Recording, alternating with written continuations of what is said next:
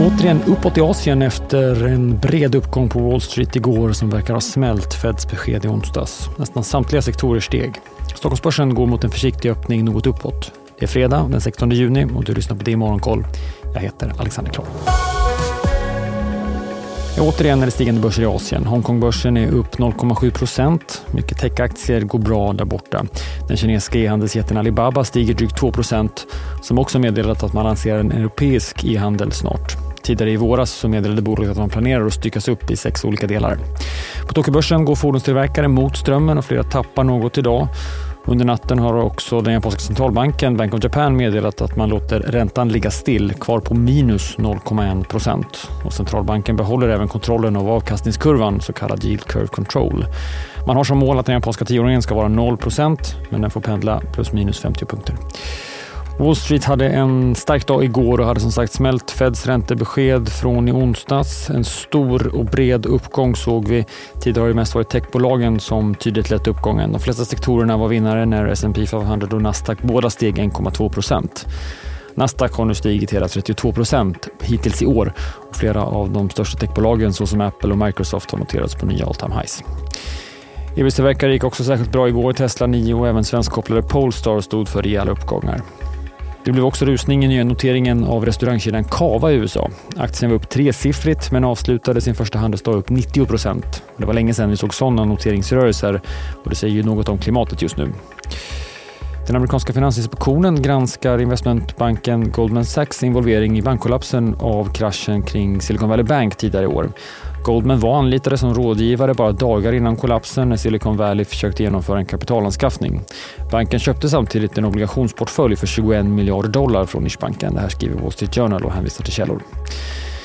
Teleoperatören Millicoms förhandlingar om ett eventuellt uppköp har strandat. Förhandlingarna med de potentiella budgivarna, bland annat riskkapitalbolaget Apollo Global, har brutit samman uppger bolaget som tidigare i år gick ut och sa att samtal förs kring ett möjligt uppköp.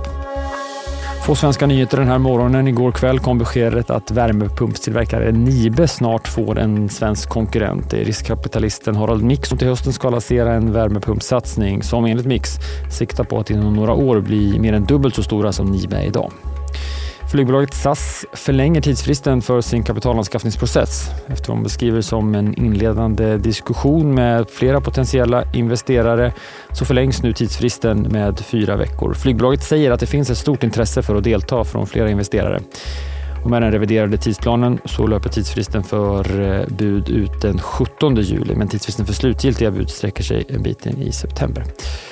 Det är få saker på dagens agenda, vilket kanske är skönt efter en ganska intensiv vecka med flera räntebesked. Vi får i alla fall konsumentundersökningen Michigan Index, den amerikanska mätningen som tar tempen på förtroendet senare i eftermiddag. Index har varit fallande i stort sett hela året, men väntas nu komma in på samma nivå som vi såg förra månaden. Missa inte dagens Börsmorgon kvart i nio. Programmet gästas av CVNs Christer Gardell och det blir såklart mycket snack om de svenska innehaven. Lyssna på programmet som podd senare idag om det inte passar att titta kvart i nio. Vi släpper den från klockan 11. Missa inte heller förresten att det kommit en säsongsavslutning av podden Makrorådet.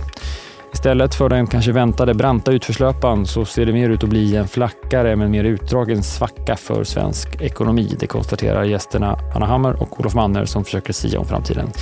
Ni hittar avsnittet på sajten eller i er poddspelare. Det är Morgonkoll är tillbaks igen på måndag. Vi hörs då. Trevlig helg.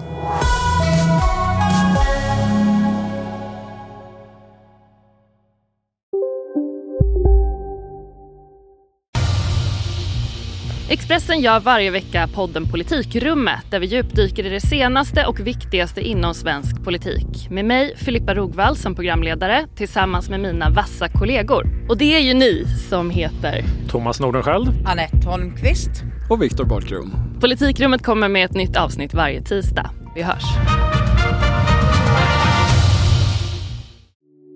Hej, Ulf Kristersson här. På många sätt är det en mörk tid vi lever i. Men nu tar vi ett stort steg för att göra Sverige till en tryggare och säkrare plats. Sverige är nu medlem i Nato. En för alla, alla för en.